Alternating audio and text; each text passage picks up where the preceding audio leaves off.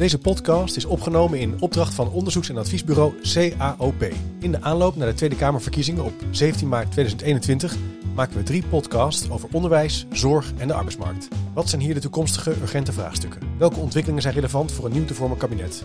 En hoe komen we sterker uit de huidige coronapandemie?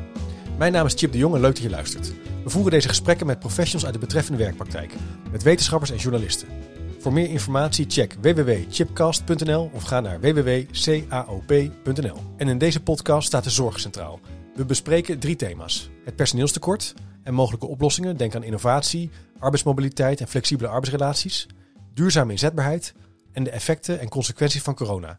Denk aan werkdruk, ziekteverzuim en werkbelasting. Met als terugkerend thema: wat is de rol van de overheid als het gaat om een sterke zorgsector in Nederland? Ik ga het gesprek voeren met Marion Gerts, manager zorg CAOP, met Ruben Verlangen, docent van het MedCenter in Beeldhoven, ambulanceverpleegkundige bij de RAVU en bestuurslid en lid van de wetenschappelijke raad bij de Nederlandse Reanimatieraad.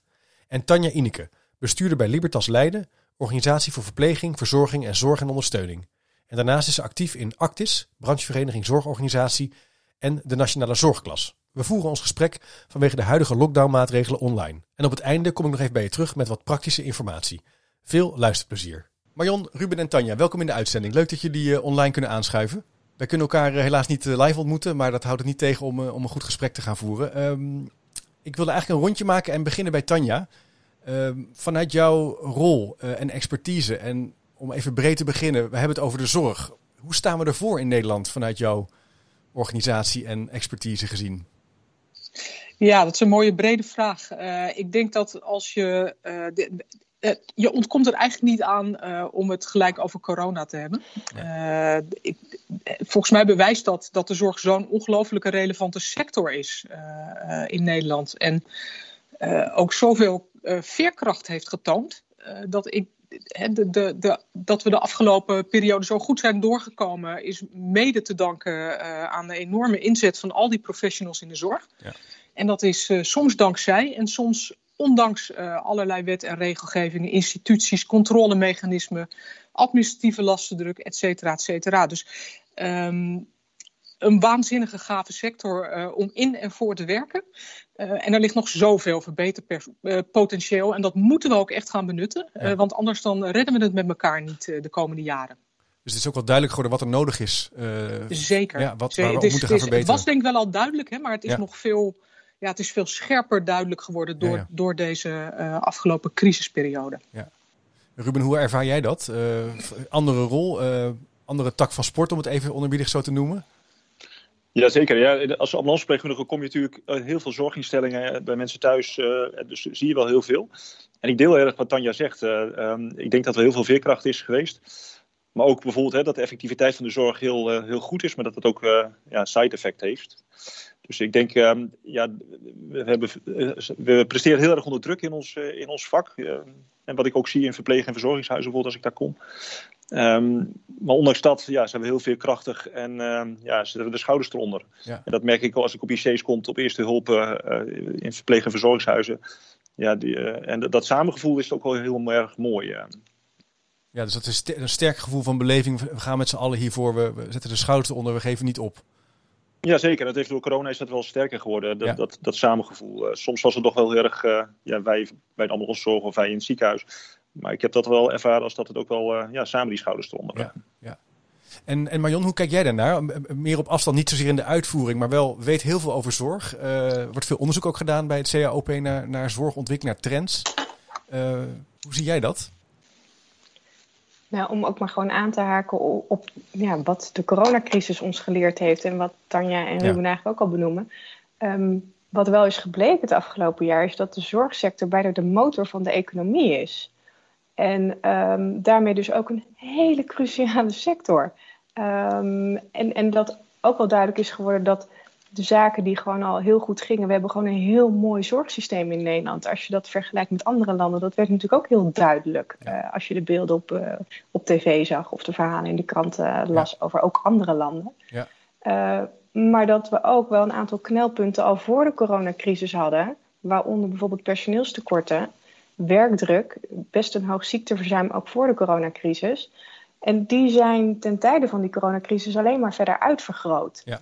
Dus dat heeft het ook wel heel erg blootgelegd. Uh, ik vind ook dat we, los van de veerkracht uh, binnen de sector, de flexibiliteit die we um, aan de dag hebben gelegd. Um, dingen die we voorheen niet voor mogelijk hadden gehouden, op een bepaalde manier digitaal te werken. Niet alleen zoals wij nu deze, nu deze podcast opnemen, maar ja. ook ja, met je opa of oma in een verpleeghuis via de iPad contact hebben. En het kent zijn nou ja, nadelen ook, maar het heeft ook voordelen. Nou, dat hadden we voor de coronacrisis niet bedacht. Nee. Mensen die versneld inzetbaar zijn gemaakt om in de zorg allerlei hand- en spandiensten uh, te verrichten, hadden we van tevoren ook op deze manier misschien niet bedacht.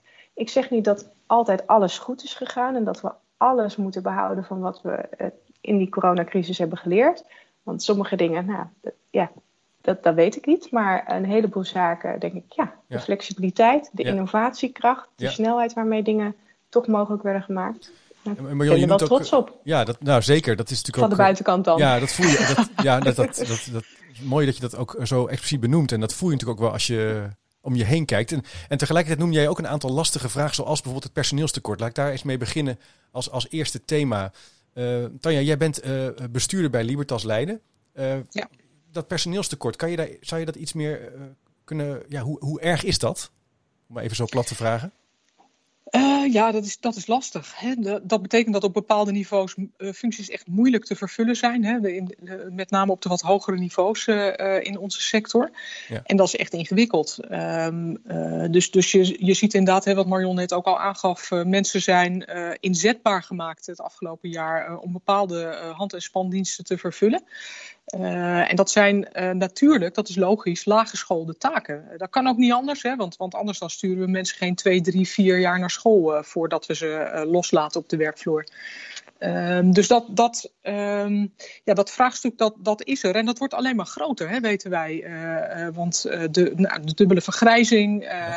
Dus, dus een grotere zorgvraag en minder beschikbare arbeidskrachten maakt dat als we zo doorgaan, ja, dan gaan we het niet redden met elkaar. Dus we moeten daar echt inno innovatiever en slimmer in zijn. En nou ja, terecht denk ik wat Marion zegt, in die coronacrisis heb je gezien dat er mensen zij-instromen. Ja, daar, zij, daar zit natuurlijk nog heel veel meer potentieel. Alleen dat zij-instromen is best wel ingewikkeld als je uh, ergens uh, uh, werkt, je hebt een bepaald salaris, daar heb je je leven op ingericht. Ja. En dan ga je de overstap maken naar de zorg. Nou, dan heb je ten eerste al een gat omdat je opgeleid moet worden en niet direct inzetbaar bent. Nou, ik als bestuurder zou dolgraag je gelijk een vol salaris willen geven, maar dat kan ik gewoon niet betalen. Nee. Daar, daar, daar, zijn de vergoedingen niet naar. Uh, dus dat is het eerste gat wat je moet oplossen. En daarna, uh, over het algemeen zien wij uh, dat wij toch iets minder betalen dan andere sectoren. dus moet je ook kijken of je je leven zo kunt inrichten dat je nou, die passie die je dan voelt voor de zorg ook nog praktisch kunt maken. Namelijk dat je gewoon je hypotheek kunt blijven betalen en dat je kinderen nog kunnen studeren. Ja, ja en dat zijn wel echt grote uitdagingen waar we met elkaar een antwoord op moeten gaan vinden. Ja, dus je kan, uh, je kan kiezen voor het vak, omdat het een prachtig vak is, omdat je het, uh, het is in het nieuws en je denkt, ik maak die stap. Maar financieel zijn natuurlijk ook nog wel uitdagingen uh, die dan geregeld moeten zijn. Ruben, zeker voor zijnstromers. Ja, zeker ja. voor zijnstromers. Ruben, herken je dat? Ja, ik zit nu in een vakgebied wat heel erg gespecialiseerd is, waar je dus ja. niet zomaar kan zijnstromen. En, maar wij hebben wel degelijk te maken met, uh, met ernstige tekorten. En dat ook direct uh, eigenlijk effect heeft op uh, nou ja, uh, dat er geen ambulances beschikbaar zijn of met een langere aanrijdtijd. Dus dat heeft wel direct gelijk um, effect. Um, en er worden wel allemaal creatieve manieren verzonden om ja, anders, andere manieren van opleiden. Um, ja. waardoor, je, waardoor je dat wat kan doen. Maar dat heeft wel een lange adem. dus dat, dat heeft altijd tijd nodig voordat die ja, uiteindelijk ook ambulance zorgverlener zijn. Dus dat, ja, daar kan je niet acuut wat aan doen. Dus echt een lange termijn dus ja, strategie hè, die je moet uitstippelen. Dat is niet zomaar in vier jaar opgelost, zeg je eigenlijk. Dat vraagt echt wel nee, acht tot tien jaar kijken. Ja. Ja, dat vraagt ook wel van uh, een brede. Hè, er moeten de, de, de hogescholen aan meewerken. Er, er moeten uh, stageplekken zijn. Uh, hè, bijvoorbeeld de bachelor medische hulpverlener is zo'n voorbeeld.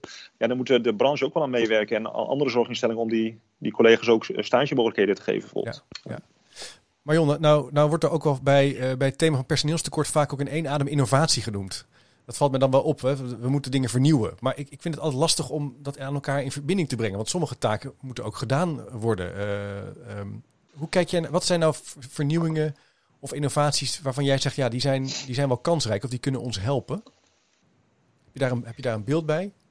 Ja, ik denk dat je ook eerst even moet gaan kijken naar de, de urgentie van, van innovatie als je het hebt over die personeelstekorten. Hm. Want de zorg is niet de enige sector met personeelstekorten. Het onderwijs, uh, de politie, uh, weet je, schreeuwen ook allemaal op, om mensen. Ja. Uh, zien we aan de andere kant ook wel overschotsectoren. Dus waar mensen over zijn die we wellicht inderdaad via van werk naar werk trajecten zouden kunnen begeleiden. Ja. Maar over de gehele linie komen we uiteindelijk gewoon mensen tekort. Dus je moet wel gaan kijken naar andere manieren om het werk voor elkaar te krijgen. Ja. En uh, je hebt helemaal gelijk, Chip. Sommige uh, taken, sommige werkzaamheden moeten gewoon echt door een mens uitgevoerd worden. Wil je ook gewoon, zeker als je kijkt binnen de zorg.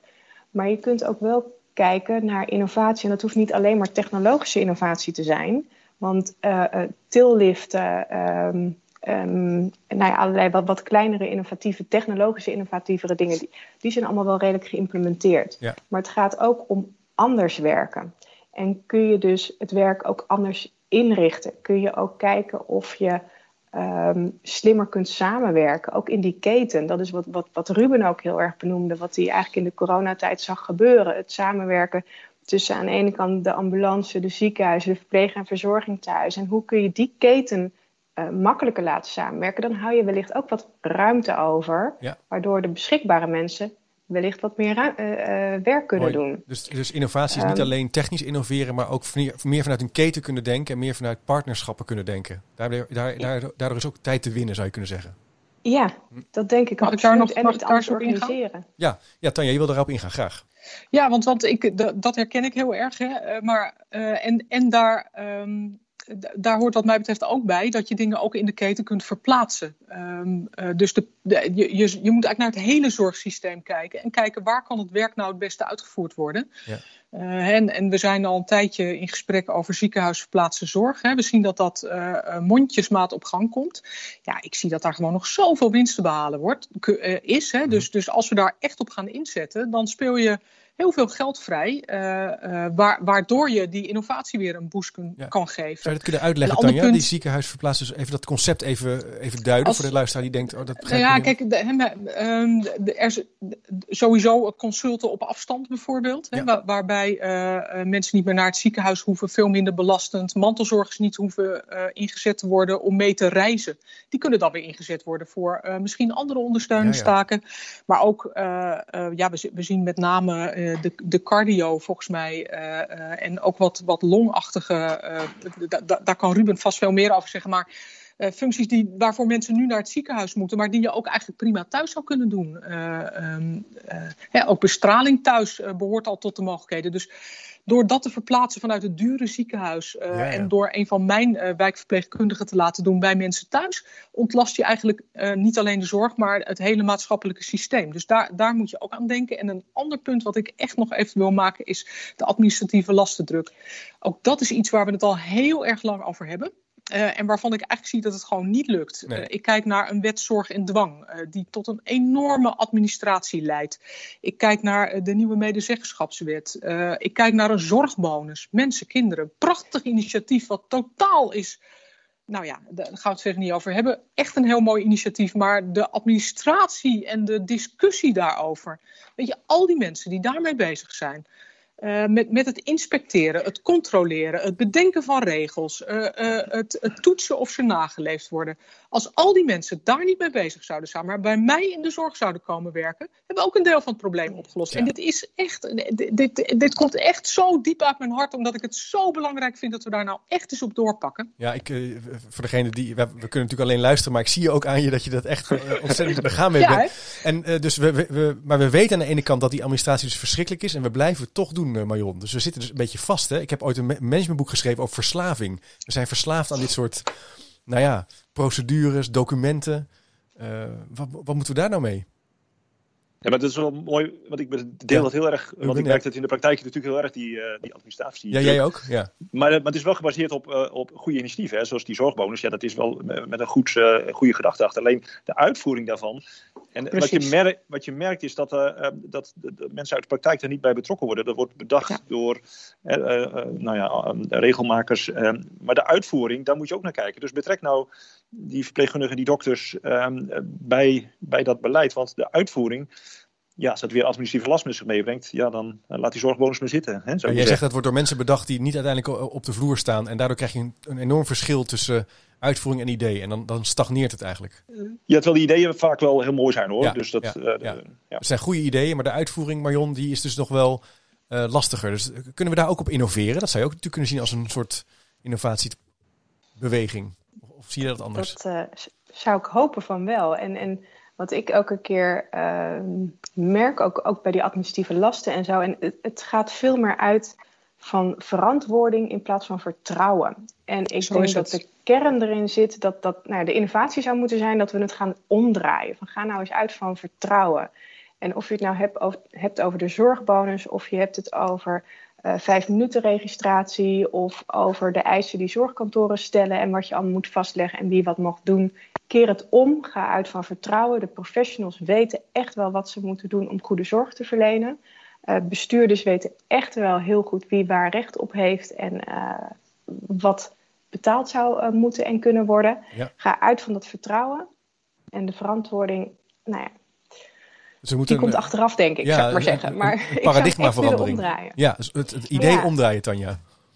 Nou ja, dat hebben we natuurlijk ook gezien, in de, in, juist in de coronatijd. Uh, de, de, eigenlijk was de enige vraag aan de zorg, doe wat nodig is. Ja. En dat hebben we gedaan. En ja. dat hebben we verdomd goed gedaan. Mm -hmm. uh, en nu merk ik in de verantwoording, hè, het gaat nu alweer heel erg lang over continuïteitsbijdragen. Uh, wel of niet, bedrijven kleiner dan 10 Dus het is weer tijdens de wedstrijd de spelregels veranderen. En ik vind dat echt ingewikkeld. Ja. Dat, trekt, dat trekt gewoon heel veel energie weg. Uh, uh, en maakt dus ook dat, um, nou ja, hè, dat, dat, die, dat die zorg ook een minder aantrekkelijke uh, werkgever wordt op die ja. manier. Ja. Terwijl als je uitgaat van het vertrouwen, de professional laat doen wat, wat, wat moet gebeuren.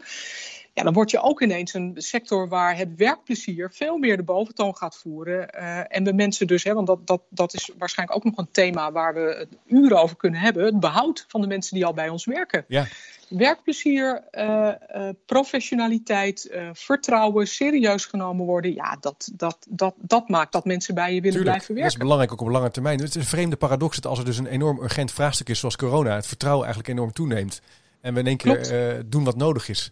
Het punt wat jij hierbij aanstipt, Tanja, is ook natuurlijk lange termijn inzetbaarheid. Hè? Duurzame inzetbaarheid, een, een, een mooie loopbaan kunnen uitoefenen uh, met behoud van energie, uh, met, met kinderen die je wil uh, op, die opgroeien, nou ja, kinderen uit school, hè? dus balans kunnen houden, Ruben. maar ja. jouw werk is ook onregelmatig en het is ook lange werktijden, heel hard werken, fysiek ook in zekere zin. Ja, en ik weet nooit hoe laat ik thuis ben, bijvoorbeeld. Hè? Nee, dat is nee maar dat is natuurlijk... Ja, ja precies. Hoe, ga, hoe, hoe kijk jij daarnaar, naar duurzame inzetbaarheid? Nou, dat, je merkt in mijn vak dat daar hele lange tijd uh, nauwelijks aandacht is geweest. Het is heel erg uh, reactief geweest en niet proactief. Oh ja? um, en we moeten langer doorwerken. Maar het is toch een, een, een, een mensen beginnen steeds jonger aan dit vak. Het is, en het is een uh, drukverhogend vak. Dat, ja, dat is een, het is gewoon echt een zwaar beroep. En je ziet dat er nauwelijks aandacht is. Er is heel veel aandacht voor uh, nieuwe mensen opleiden. Wat heel erg belangrijk is voor, die, uh, voor het personeelstekort. Ja. Maar voor die collega die zo 50 wordt. Die, uh, ja, die heeft ook gewoon ondersteuning nodig. En een, een, een, een visie over waar die dan over vijf jaar staat. En dat, dat mis ik heel erg. Um, nu begint er in de CO net wat, wat meer richting over te komen. Maar het is nog heel erg ja, reactief en niet proactief. Dus we vergeten een beetje de meer ervaren collega die al, al 20 jaar werkt. Uh, ja, en misschien uh, wat last krijgt van fysieke uh, beperkingen of al lang fysiek werk heeft gedaan. En zijn loopbaanvormgeving vanaf dat moment krijgt relatief weinig aandacht. Ja, we willen die gespecialiseerde verpleegkundigen graag hebben. Maar dan ben je zo gespecialiseerd dat het ook lastig is om weer een ja. transfer te maken naar een ander vak. Dus, dus, daar zou je al veel vroeger naar moeten kijken. In plaats ja. van pas als het gebeurt. Precies. Ja, ja, Tanja, je, ja. Dat herken ik heel erg, ja, want wij, wij, wij doen nu bijvoorbeeld, hè, ik, ik geloof daarin ook heel uh, erg in wat daar net ook aan de orde was van die ketensamenwerking, samenwerking, uh, in ieder geval ook regionaal. Hè. Ik, ik doe nu met uh, een aantal partijen in de regio in het kader van Centrum voor Innovatief Leren een traject waarin uh, mensen worden opgeleid uh, binnen een ziekenhuis, uh, binnen VVT-organisatie en de gehandicaptenzorg. Dus dat zijn leerlingen die leren in hun opleiding leren die drie sectoren kennen. Ja. en dat, dat, ze vinden het sowieso ontzettend leuk. Het maakt dat ze een beter beredeneerde keuze kunnen maken uh, voor de start van hun loopbaan. Hè, wil ik dat starten in een ziekenhuis? Dat, dat is toch een soort van enorme droom bij iedereen. Uh, maar wij merken nu dat als ze uh, in de gehandicaptenzorg beginnen, ze eigenlijk zoiets hebben van: wauw, het is dit een gave sector. En weet je, dus, dus en het geeft ze later in hun loopbaan ook een veel bredere blik, waardoor ook de overstap op termijn weer wat makkelijker wordt. Dus ik, ik geloof heel erg in wat Ruben zegt. Je moet niet twintig jaar wachten en dan denken van: oh, daar is er weer een die zit er twintig jaar, daar moeten we wat mee. Nee, je moet echt gaan kijken naar uh, nou ja, hoe, hoe kan je zo'n loopbaan uh, vormgeven? Ja. niet alleen binnen je organisatie, maar vooral ook binnen de sector. Ja, heel interessant. En de, de vraag die ik, dan, die ik ook wel heb is van wat zou de overheid hier dan in kunnen doen? Wat, de verkiezingen komen eraan. Wat is dan belangrijk in de aankomende jaren, Marion, om daar kan je daar een landelijk programma op ontwikkelen? Of zou je dat uh, regionaal, zoals Tanja dat eigenlijk ook uh, zo'n voorbeeld geeft, hè, van die werk, werkplekken en die kennismaking met die werkomgeving? Hoe zou, heb je daar ideeën bij? Ik denk dat, dat je uh, de overheid vooral veel meer in een soort van regierol zou moeten mogen zetten met het creëren van randvoorwaarden, het mogelijk maken dat mensen dus inderdaad een leven lang ontwikkelen, een leven lang scholen en opleiding volgen. Dus daar moet je, dat moet je mogelijk maken. Ja. Uh, en met geld, maar ook met, met hoe het onderwijs in elkaar zit, hoe gekwalificeerd wordt um, en hoe ook erkend wordt wat mensen al kunnen. Ja. Uh, dat aan de ene kant. En verder denk ik vooral dat de uitvoering ervan, die moet je echt regionaal laten. Want zeker als je kijkt naar de zorg, een zorgmedewerker um, zoekt een nieuwe baan, uh, toch binnen het kringetje van pak een beetje 20, 30 kilometer. En dat is misschien zelfs al wel ver, want sommigen willen gewoon op de fiets naar het werk kunnen gaan. Dus dat moet je vooral regionaal organiseren. Ja. En ik denk dat daar, daar vooral ook de kracht in zit. Ja. En ik zou het heel mooi vinden als we ook een soort van omslag weten te maken. Dat je niet meer net als vroeger uh, werd opgeleid voor een bepaalde functie, voor een bepaald beroep. En dat ging je de rest van je leven doen. Nee, begin ook in het onderwijs gewoon al met je leert je leven lang. Ja. Je ontwikkelt je je leven lang. Want het werk verandert. Ook het huidige werk van een ambulanceverpleegkundige of van een thuiszorgmedewerker. Dat verandert en dat verandert steeds sneller. Dus daar moet je in meebewegen. En ik denk dat we daar als samenleving ook wel een stap in hebben te zetten, wellicht. En uh, dat ook ja, moeten uitdragen. Je ontwikkelt je een leven lang. Hoeft niet alleen maar via gewoon puur de schoolbanken. Kan ook op de werkplek. Kan ook inderdaad door gewoon eens eventjes over de schutting bij de buren te kijken. Maar ik denk dat dat wel een hele belangrijke is. Ik moet toevallig denken, ik heb nu net deze week een, een, podcast online gezet met Gert Biesta, hoogleraar onderwijskunde, die heel veel heeft, onderzoek heeft gedaan naar een leven lang leren. En een van de dingen die me was bijgebleven in het gesprek met hem, dat hij zei van, we zien een leven lang leren nog vrij economisch. Als een leven lang leren om een baan te vinden. Dat is voor veel mensen natuurlijk ontzettend belangrijk. Maar het zou ook noodzakelijk zijn als land om ook uh, die intrinsieke motivatie, die nieuwsgierigheid voor een vak, die liefde voor de zorgen, voor het onderwijs, ook meer centraal te durven stellen. Om op die manier te kijken naar je, je ontwikkeling. Um, dat is natuurlijk ook wel een spannende beweging. Uh, helemaal regionaal, lokaal versus landelijk. Dus je kan in Den Haag allerlei dingen bedenken, maar je wil natuurlijk dat het in die, die werkplek land, Ruben, uh, daar moet het gebeuren. Ja, daar moet het zeker gebeuren. En uh, dat, dat, heeft ook te maken met wat we eerder zeiden over dat vertrouwen. en dan moet de overheid ook niet weglopen als er gestemd wordt. Of dat, dat, dat samenhorigheid wat wij ervaren hebben in de corona, daar hebben we zeker ook wel vanuit de politiek voorbeeld van gezien, waarbij dat zeker ook wel heel, hele mooie dingen gebeurden. Ja. Maar daar verwacht je ook dat, dat de politiek ook um, zijn verantwoordelijkheid neemt en uh, ook vertrouwen uitstraalt. Ja. Niet alleen binnen de zorg, maar ook uh, van daarbuiten. Ja, ja. Oké, okay, Tanja, dus een, een, een leven lang leren en anders kijken naar je, naar je vak. Je kan dus eigenlijk je omscholen, bijscholen, nieuwe dingen ontwikkelen om zo. Uh, is, is daar ruimte voor binnen jullie organisatie? Kunnen jullie daar nog beter in worden? Of, of zijn er al mooie voorbeelden van? Ja, wij, wij, kunnen er altijd beter in worden. Dat, dat is ons eigen leerproces. Ja. Um, het, is, het is wel lastig uh, soms om echt letterlijk de ruimte te geven. Uh, niet omdat um, uh, ik het mensen niet gun, hè, of, maar gewoon omdat er zoveel te doen is op de werkvloer. Ja. dat ik mensen vaak echt met, bijna met het mes op de keel moet dwingen om die verplichte opleidingen wel echt te volgen. Nou, dat was afgelopen jaar natuurlijk wel extreem, maar ja. Um, het is gewoon altijd druk er is altijd werkdruk. Dus daarom staat leren en ontwikkelen staat wel onder druk. Hè? Dat, dat, dat, dus we, we moeten daar echt oog voor blijven houden. Want ik, ik, ik geloof er ook heel erg in. Ik denk ook dat de publieke sector, het, Marion noemde net volgens mij ook de politie, het onderwijs. Daar werken mensen die zijn, ja, die, die zijn waardegedreven over het algemeen. Hè? Die, die geloven heel erg in. Ja uh, in, in het beroep waar ze voor kiezen. En ja, dat, dat, hè, als de overheid dat, dat appel wat meer zou doen, uh, dan, dan uh, zouden die sectoren, denk ik, meer aantrekkingskracht hebben voor, voor, voor mensen die zich aan het oriënteren zijn. Ja. en dat, dat heb je tijdens de coronacrisis natuurlijk eigenlijk wel gezien. Maar dat terecht wat Ruben zegt, dat gaat wel hand in hand met vertrouwen.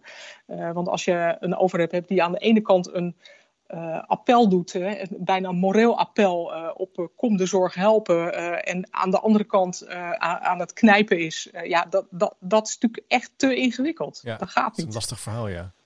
Nou, nou is het ook, we leven nu ja, bijna ruim een jaar in een coronatijdperk. Uh, dus het is, het is totaal anders, hè, de werkelijkheid. De, uh, in het begin van het gesprek zeiden jullie ook van ja, de ziektepercentage is al wel hoog. Hè?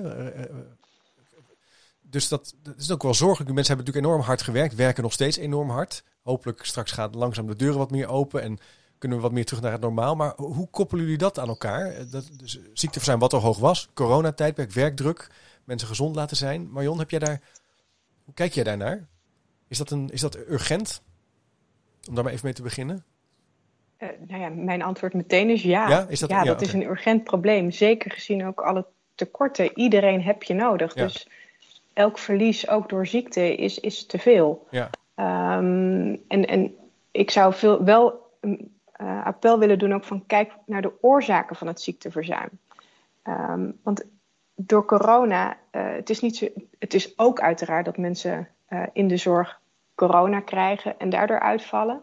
Maar laten we alsjeblieft ook niet vergeten wat de impact is van bijvoorbeeld ook, ook um, ja, toch wel agressie en geweld vanuit um, ja, de, de verwanten, de familieleden. En wat doet dat allemaal uh, met medewerkers? De, de, de mentale druk die er gewoon in de zorg is. En hm. uh, daar moeten we wel wat met elkaar aan doen. En we, we hebben de spotjes, uh, nou ja, ja blijf uh, van de zorgverleners af. Ja. Die zie ik al een tijdje niet meer op tv. En ik weet ook niet of dat nou de manier is waarop we het moeten doen. Maar um, we moeten echt goed kijken wat zijn nou de oorzaken van het ziekteverzuim en dat gaan aanpakken. En bij mentale weerbaarheid zie ik jullie alle drie zie ik u echt knikken dat dat een thema is. Uh, misschien Ruben even uh, als eerste om daarop te reageren. Herken je dat dat dat een groter wordend probleem is? Nou, groter weet ik niet, maar zeker in coronatijd komt het ook meer onder druk. Hè. Als ik ja, moet, moet uitleggen dat hij niet mee mag naar het ziekenhuis, uh, om, uh, ja, omdat we niet te veel mensen uh, in het ziekenhuis willen bij die patiënt, ja, dan, dan, moeten wij dat wel uitleggen. En ik sta op het kleine zolderkamertje waar het een rommel is. En, dus wij staan wel in de frontlinie om dat, om dat ja. beleid uit te leggen. Ja. Uh, dus dat geeft ook weer druk bij ons. En dat is, leidt niet altijd tot agressie, maar wel tot onmacht. En, ja, en, dat begrijp ik vaak ook nog wel. Ja. Maar dat heeft wel dus op, uh, invloed op die, op die hulpverlener die in die frontlinie staat. En daar zijn we echt niet in de ambulancezorg alleen in. Ook in de wijkzorg en ook in de, in, in de verpleeghuiszorg is dat zeker. En op de, op de eerste hulp.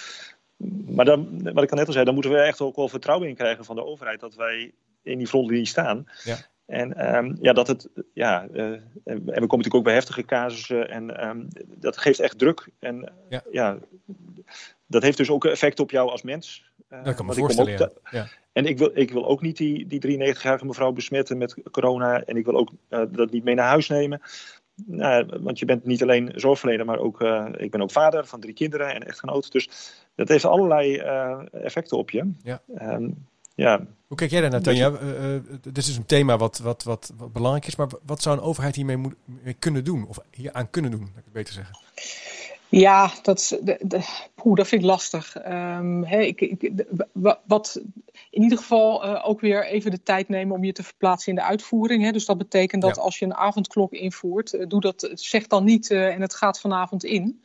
Uh, want dat betekent dat mijn mensen uh, zo, de, die de wijk in moeten enorm bezorgd zijn over, oh jee, wat gaat dit betekenen? Ik heb van alles moeten doen om die brieven op tijd klaar te krijgen. Ja.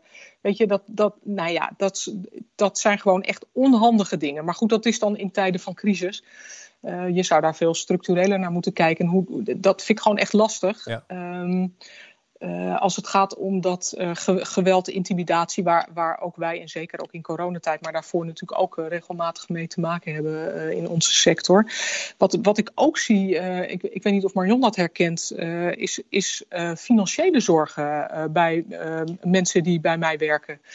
Um, en um, uh, dat, dat, dan, dan roept bijvoorbeeld een commissie werken in de zorg hè, van, vanuit de overheid van, nou, als iedereen er een uurtje bij doet of twee uurtjes bij doet, dan is personeelsproblemen ook voor een groot deel uh, opgelost. Maar die staan er dan niet goed bij stil dat als uh, iemand twee uur meer gaat werken, die dan zijn uh, huurtoeslag vervalt en de zorgtoeslag vervalt, waardoor die gewoon niet meer rondkomt. En dat is zeker in de zorg heel lastig te snappen, überhaupt al. Hè. Ik vind het sowieso ik vind het al heel ingewikkeld.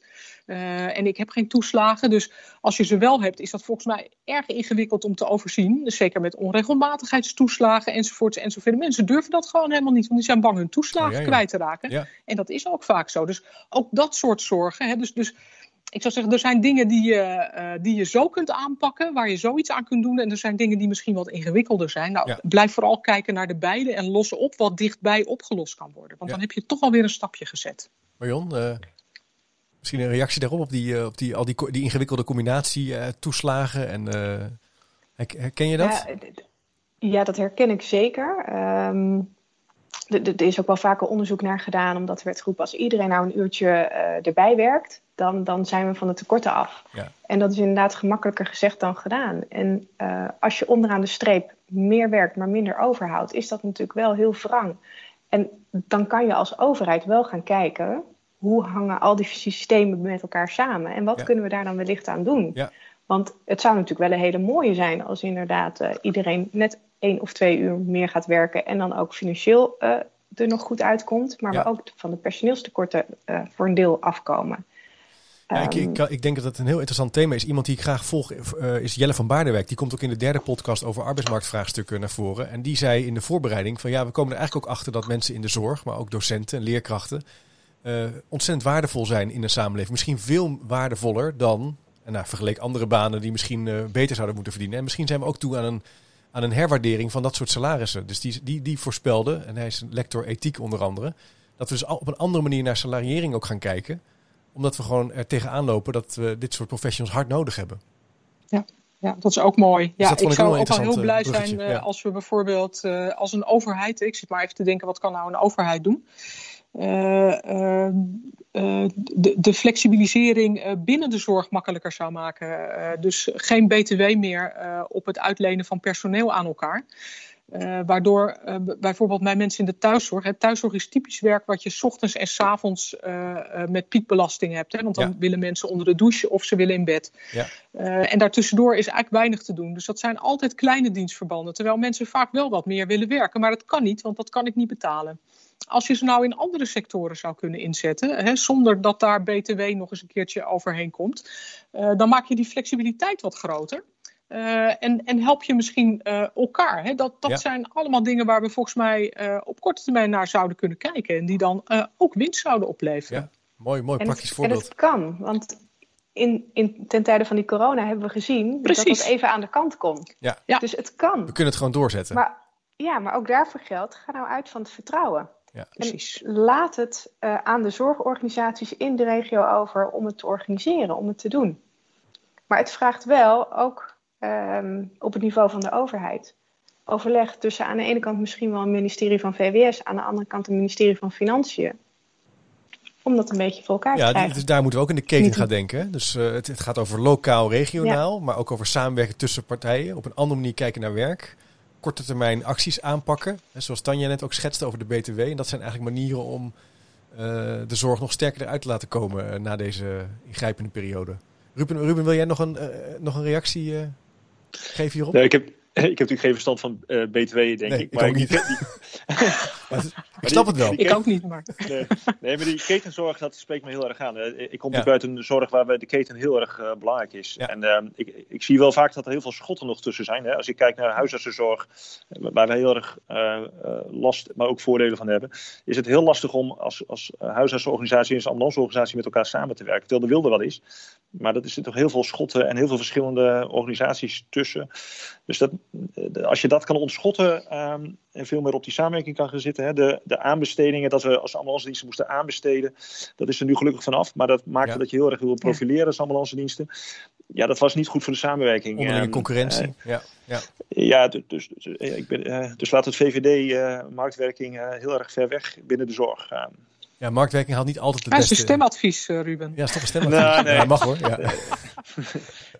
maar het is natuurlijk, uh, marktwerking haalt niet altijd het beste uh, in mensen naar voren in organisaties. Hè? Dat, kan je, dat, nou, dat is niet wat ik gezien heb. Niet wat jij hebt gezien. Dus, um, maar ontzettend interessant, Tanja, Marion en Ruben, om hier met jullie over van gedachten te wisselen in een nou ja, ruim half uurtje een aantal van dit soort zorgvraagstukken te verkennen. Uh, we zullen ook even wat linkjes plaatsen op de website van coop.nl of die van mij van chipcast.nl, bronnen die we hebben genoemd, zodat je nog even kan nalezen. Ik denk met dit in het achterhoofd dat je best wel naar kieswijzer.nl kan gaan. Dus je kan kijken uh, hè, hoe je nou scoort in je voorkeuren. Mogelijk geeft dat richting voor volgende week. Um, voor nu hartelijk dank, Tanja, Marion en Ruben, voor jullie tijd. En de beste luisteraar, ja, tot de volgende keer zou ik zeggen. Je hebt geluisterd naar een podcast over de zorg in Nederland en wat er nodig is in het licht van de aankomende verkiezingen om deze zorgsector sterk te blijven organiseren. Deze podcast is opgenomen in opdracht van onderzoeks- en adviesbureau CAOP in de aanloop naar de Tweede Kamerverkiezingen op 17 maart 2021. En dit was de tweede podcast, eerder verschenen gesprek over het onderwijs in Nederland.